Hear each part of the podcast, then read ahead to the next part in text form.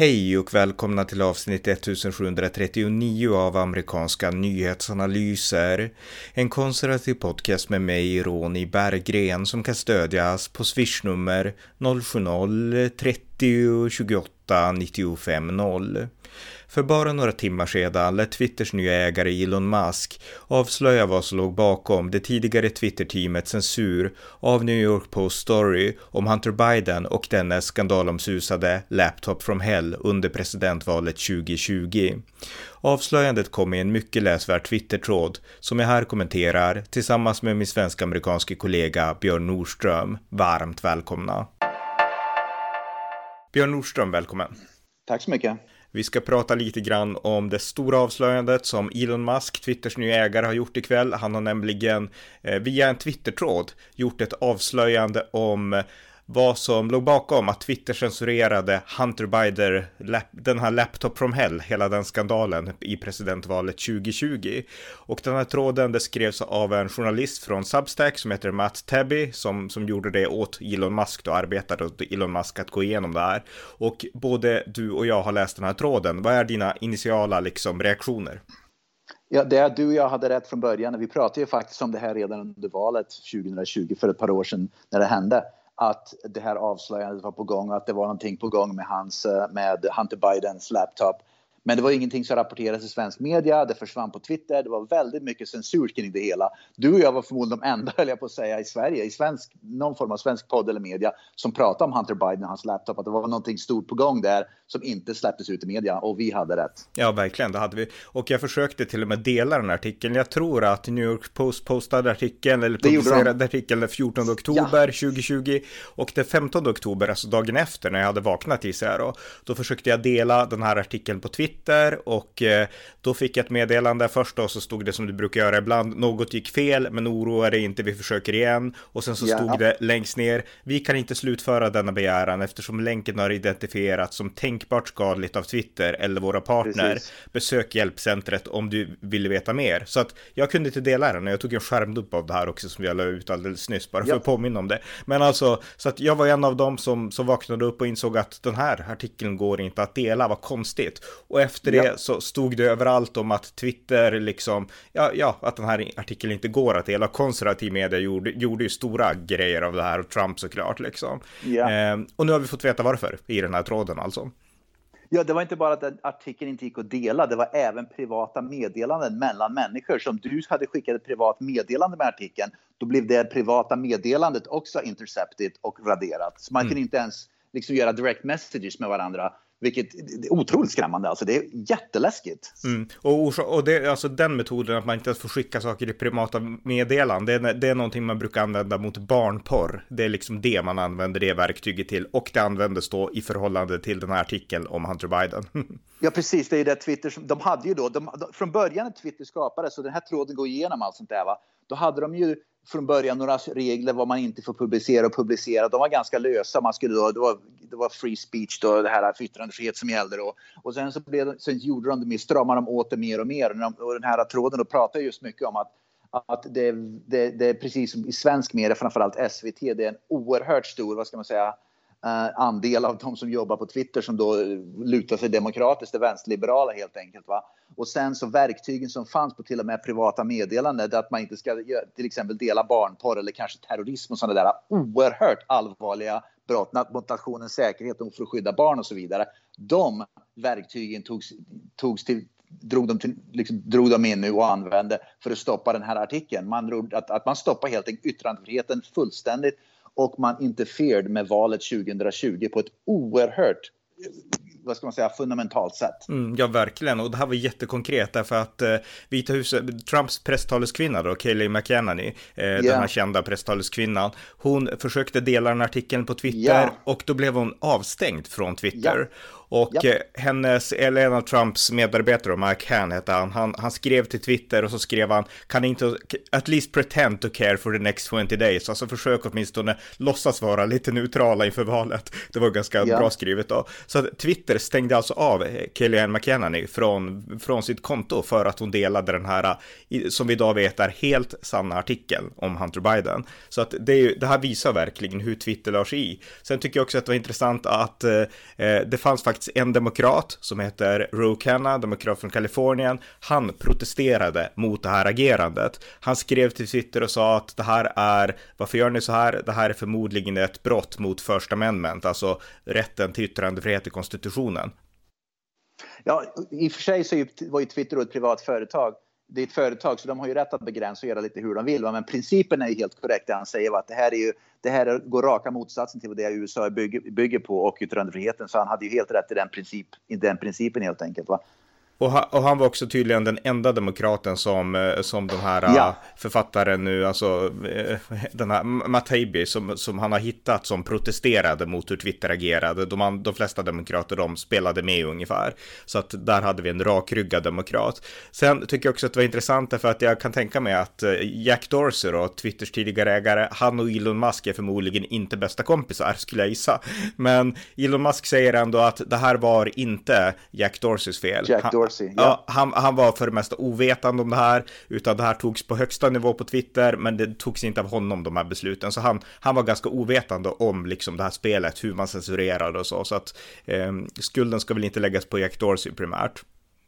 Nej, precis, och det är också ännu mer skrämmande med andra ord att, att att hans anställda, förmodligen de som var anställda alldeles under honom, som andra ord, han, är ju, han var ju då vd på den och, och CEO och det där, men de som var anställda precis under honom, höll på att kommunicera om det här och tog en massa beslut hur de skulle göra. Och vad ska man säga, vdn och grundaren och ägaren av företaget var helt ovetande.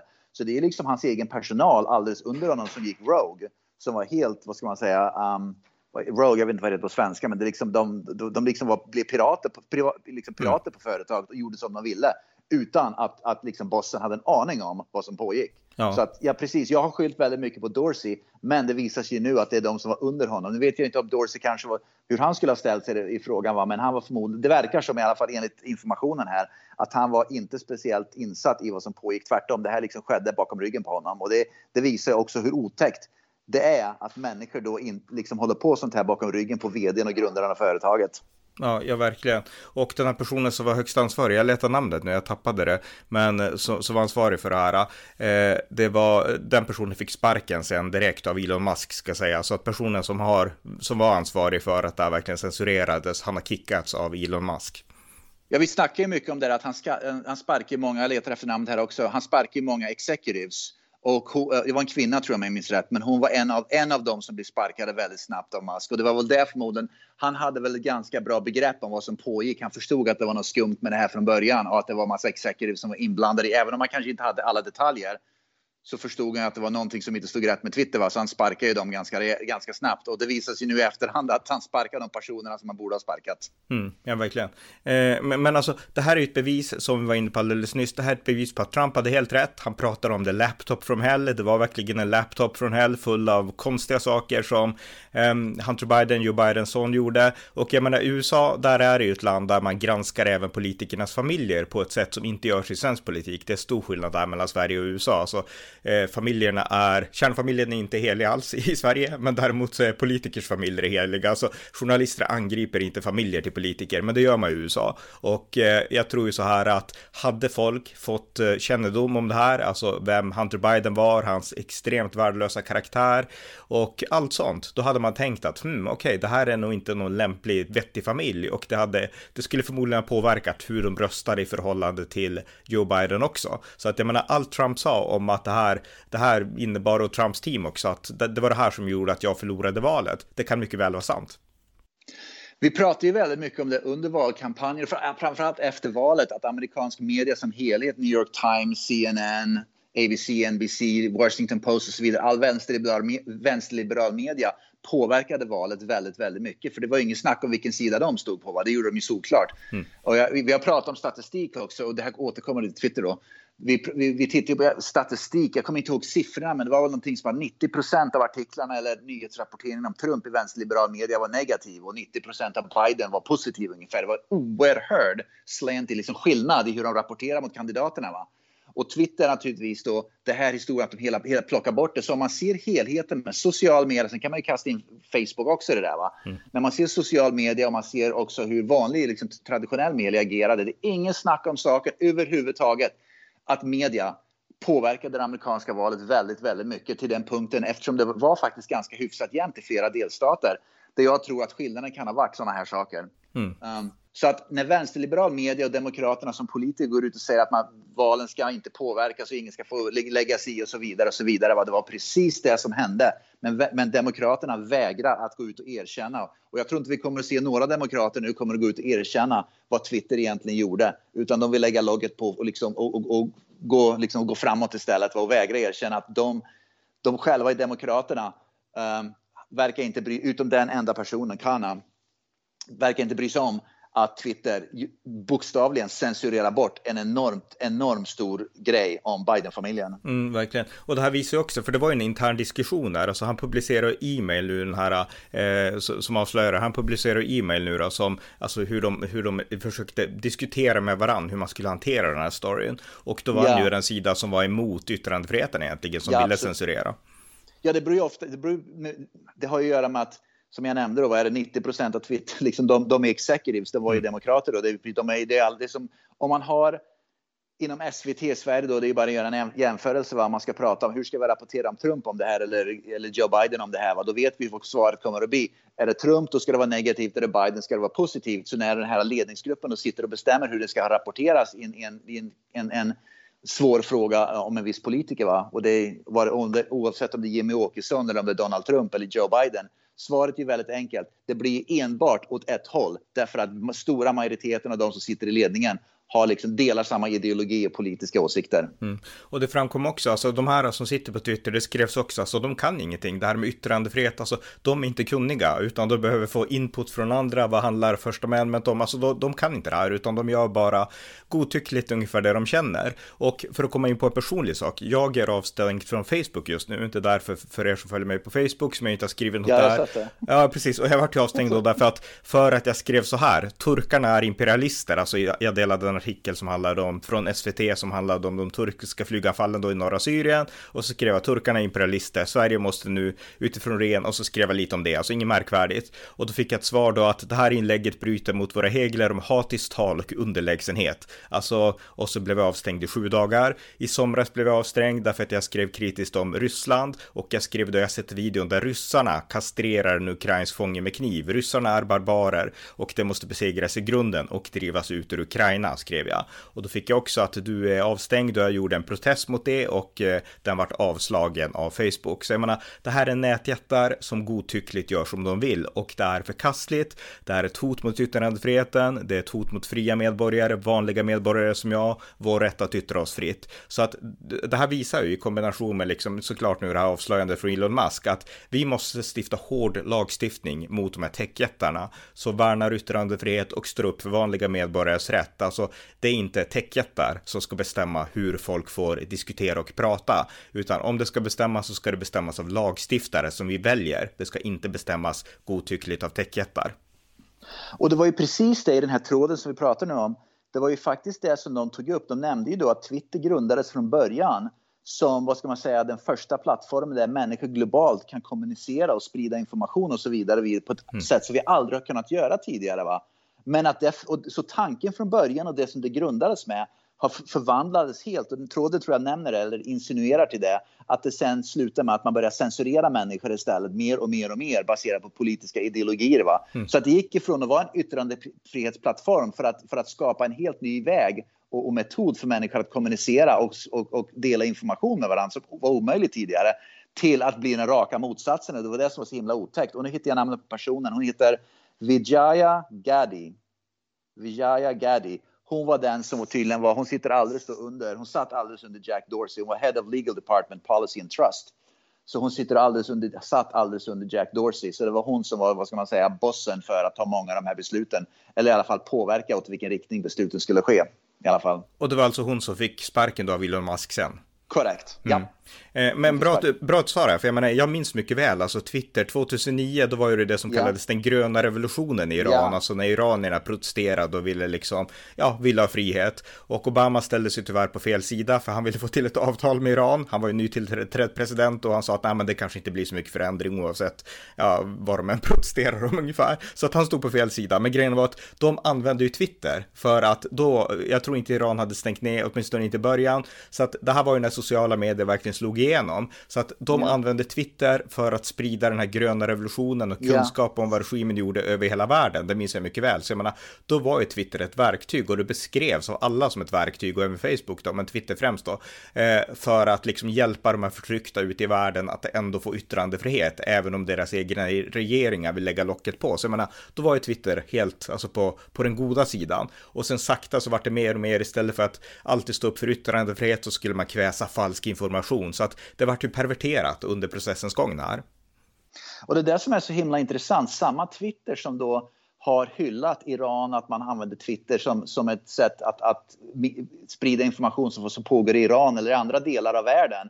Samma Twitter har sedan börjat censurera mer och mer och mer inom i USA och även i Sverige för att vad ska man säga, kväva yttrande, debatten i, i, våra, i västvärlden. Mm. Och det är otroligt skrämmande att Twitter vad ska man säga, uppmuntrar och omfamnar yttrandefriheten i Iran men samtidigt så kväser de yttrandefriheten inom USA. Mm. Ja, verkligen. Ja, det, det... Hyckleri, hyckleriet eh, kan ju inte bli mer va? Och det här är ju rena rama fakta. Det ska bli intressant förresten att se om svensk media överhuvudtaget kommer att nämna det här. Jag gissar på nej, det gör de inte. Eller så blir det en parentes någonstans. Därför att det här vill de ju inte ta upp. Va? Du och jag pratade ju om det när, när det här skedde då för, eh, ja, alldeles vid valet då, mm. för ett par år sedan.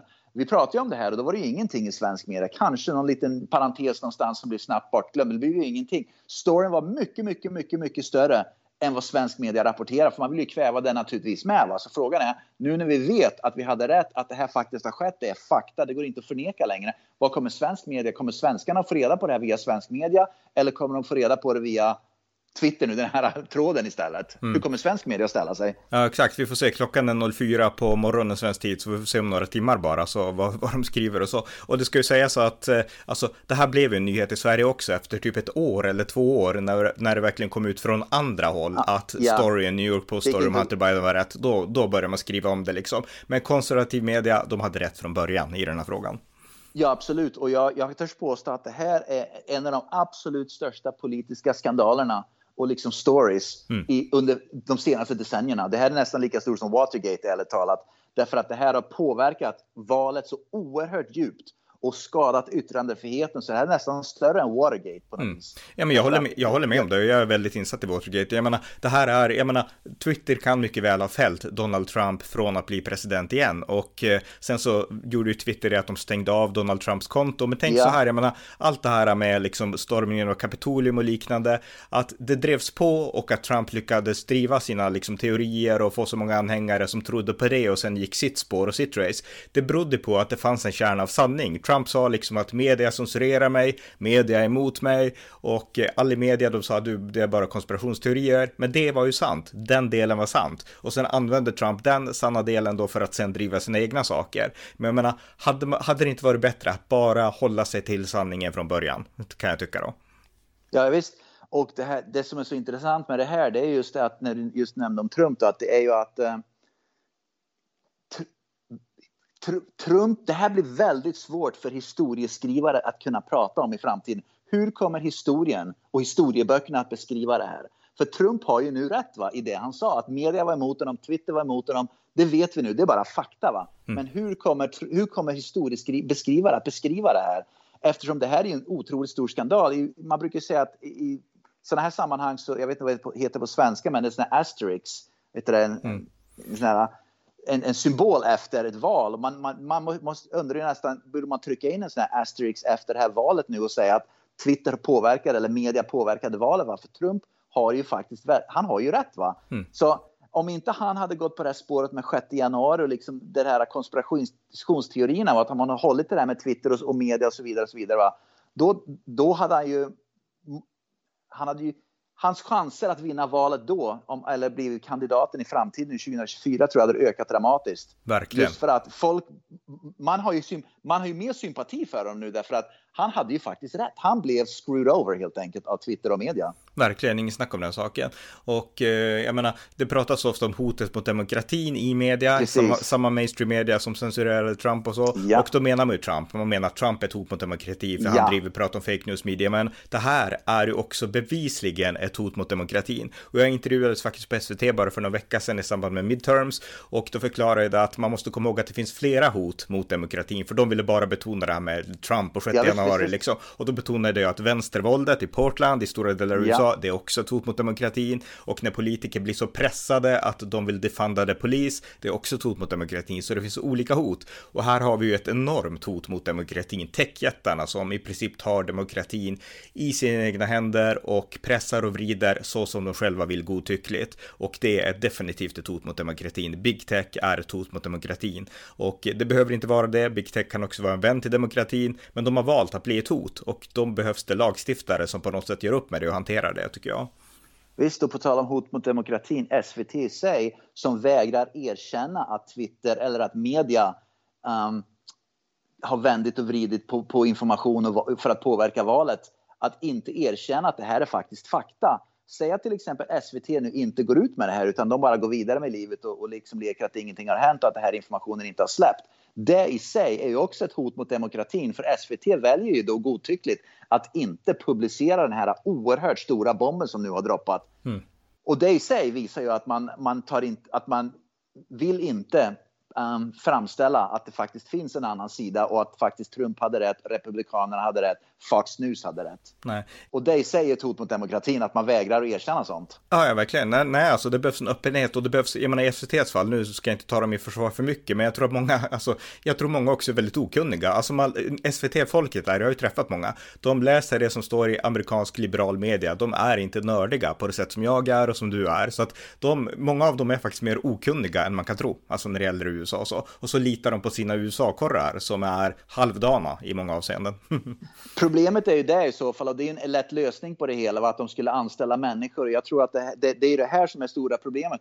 De anställer ju bara människor som har en viss inriktning, som bara vill läsa CNN, för att det är det mm. de håller med om om de i så fall tog, tog vad ska man säga, amerikansk politik på allvar och ville framställa USA ur olika perspektiv, då ska de ju anställa människor också som är konservativa, som tittar på Fox News, som läser New York Post och så vidare. och så vidare. Va? Det är, då, då måste, men de gör ju inte det. Och det i sig säger ju, de vet ju naturligtvis om att Fox News existerar, men de vägrar ju att, att, att liksom prata om den informationen. Va? Mm. Och det i sig säger att de inte har något intresse av att, att framställa då till exempel det som Fox News tog upp från början då, med Hunter Biden och hans laptop. Och om jag minns rätt, jag vet inte om det var Marco Rubio eller om det var Ted Cruz eller vem det var. Om det var uh, Gatz, Matt Gatz maybe, uh, som tog upp. Men det var ju några politiker då i det republikanska partiet som tog upp också det här med, med Hunter Biden. Och de blev då framställda av vänsterliberal media här i USA som att det är konspiration, galna konspirationsteoretiker ungefär. De vet ju inte alls vad de snackar om. Det är liksom bara Trump-idioter ungefär. Men mm. de fick ju rätt då naturligtvis. Och vi pratar ju mycket om sådär med andra saker med.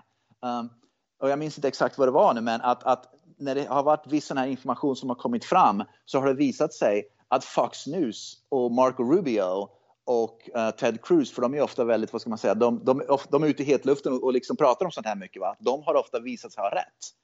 Medan liberal mer fel. Exakt, och på tal om det du sa nyss. Jag läste att Donald Trump Jr. han tweetade nu när Elon ja. Musk hade släppt den här tråden att the conspiracy theorists were right again. Alltså konspirationsteoretikerna Precis. hade rätt igen. Sådär. Så att, eh, ja, eh, ja men det här var ja, jätteintressant. Finns det något mer att säga om det här? Alltså du får, vi får uppdatera om någon dag också. Då får du berätta om hur amerikansk media hanterar det här. Om det är en stor sak nu i mainstream media också. Eller om det återigen är bara konservativ media som pratar om det här. Ja, jag såg att Fox News gjorde en headline av det, men jag har inte sett någonting annat. Jag har inte hunnit kolla faktiskt ärligt talat, men, men jag, ska hålla, jag ska hålla utkik nu och titta på amerikansk media, även på tv då, och även då på, um, på andra saker. Jag, jag, tittar just nu på CNNs hemsida um, och nu pratar de om Donald Trump, om en rättegång om Donald Trump och jag ser ingenting om um, jag, högst, liksom headlines i deras feed. Det står ingenting om det. Så de kommer förmodligen inte att rapportera. Nej, en sista sak bara som vi kan säga då, så det här är ju, alltså man måste ge cred till Elon Musk för att han gör det, jag menar nu äger han Twitter och det borde ju kunna vara i hans liksom intresse också att bara värna bilden och låta det se vackert ut och han hade inte behövt göra det här, det är poängen, så att det här var strongt av Elon Musk att göra, tycker jag. Och jag tror i och för sig också, vi pratade om det förut av Elon Musk, om Elon Musk, att han är en businessman. Det här är egentligen jäkligt, jäkligt bra för hans business alltså. Så rent businessmässigt är det ju bra därför att människor nu som kommer ju flocka till Twitter för att vilja läsa mer. Mm. Och Twitter kommer att släppa mer. Han kommer att släppa mer regelbundet. Det kommer mer och mer information. Twitter hamnar i, i den globala hetluften. Alla vill läsa vad som pågår.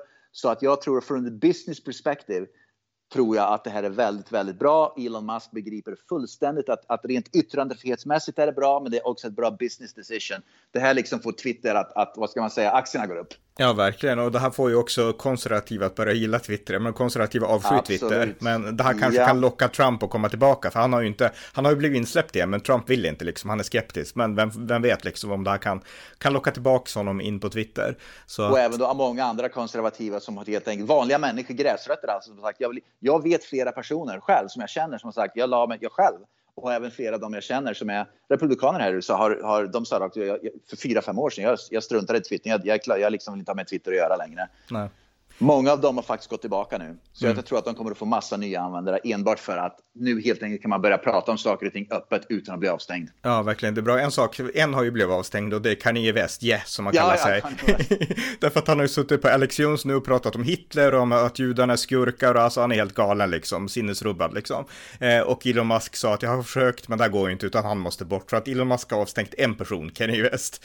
Jo, men det, det, det som var roligt också, han gav upp sitt Twitterkonto, Kanye West gav upp sitt Twitter... Vad hette den där kvinnan nu? Hon som hade Donald Trumps huvud som liksom gjorde... Vad, vad heter den där komikern? Ja, Katie Griffin tror jag.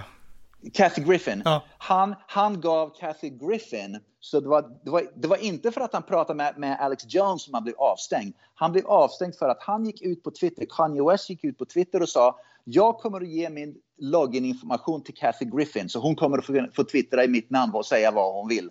Och det var det som gjorde att Musk sa att nu är det nog. Uh, du liksom kan inte göra, det liksom är gå över gränsen. Antisemitismen är över gränsen, men att du sen utmanar mig och säger att jag tänker låta någon annan ta över mitt Twitterkonto och sen säga vad de twittrar hur du vill, speciellt Kathy Griffin som mm. också, ja, hon, hon är allt tokig också. Uh, där fick Elon Musk att säga att nog är nog. Just det. Så mm. Kanye, West, Kanye West han gjorde vad de kallar för ett en, en, ett chicken race mot Elon Musk och se hur långt kan jag dra det här innan jag blir avstängd. Jaha, just det, just det. Ja, men vad bra, men då har vi uppdaterat dem där så tack så mycket Björn. Tack så mycket. Tack för att ni har lyssnat på amerikanska nyhetsanalyser. En podcast som kan stödjas på swishnummer 070-30 28 95 0 eller via hemsidan usapool.blogspot.com på Paypal, Patreon eller bankkonto. Vi hörs snart igen. Allt gott tills dess.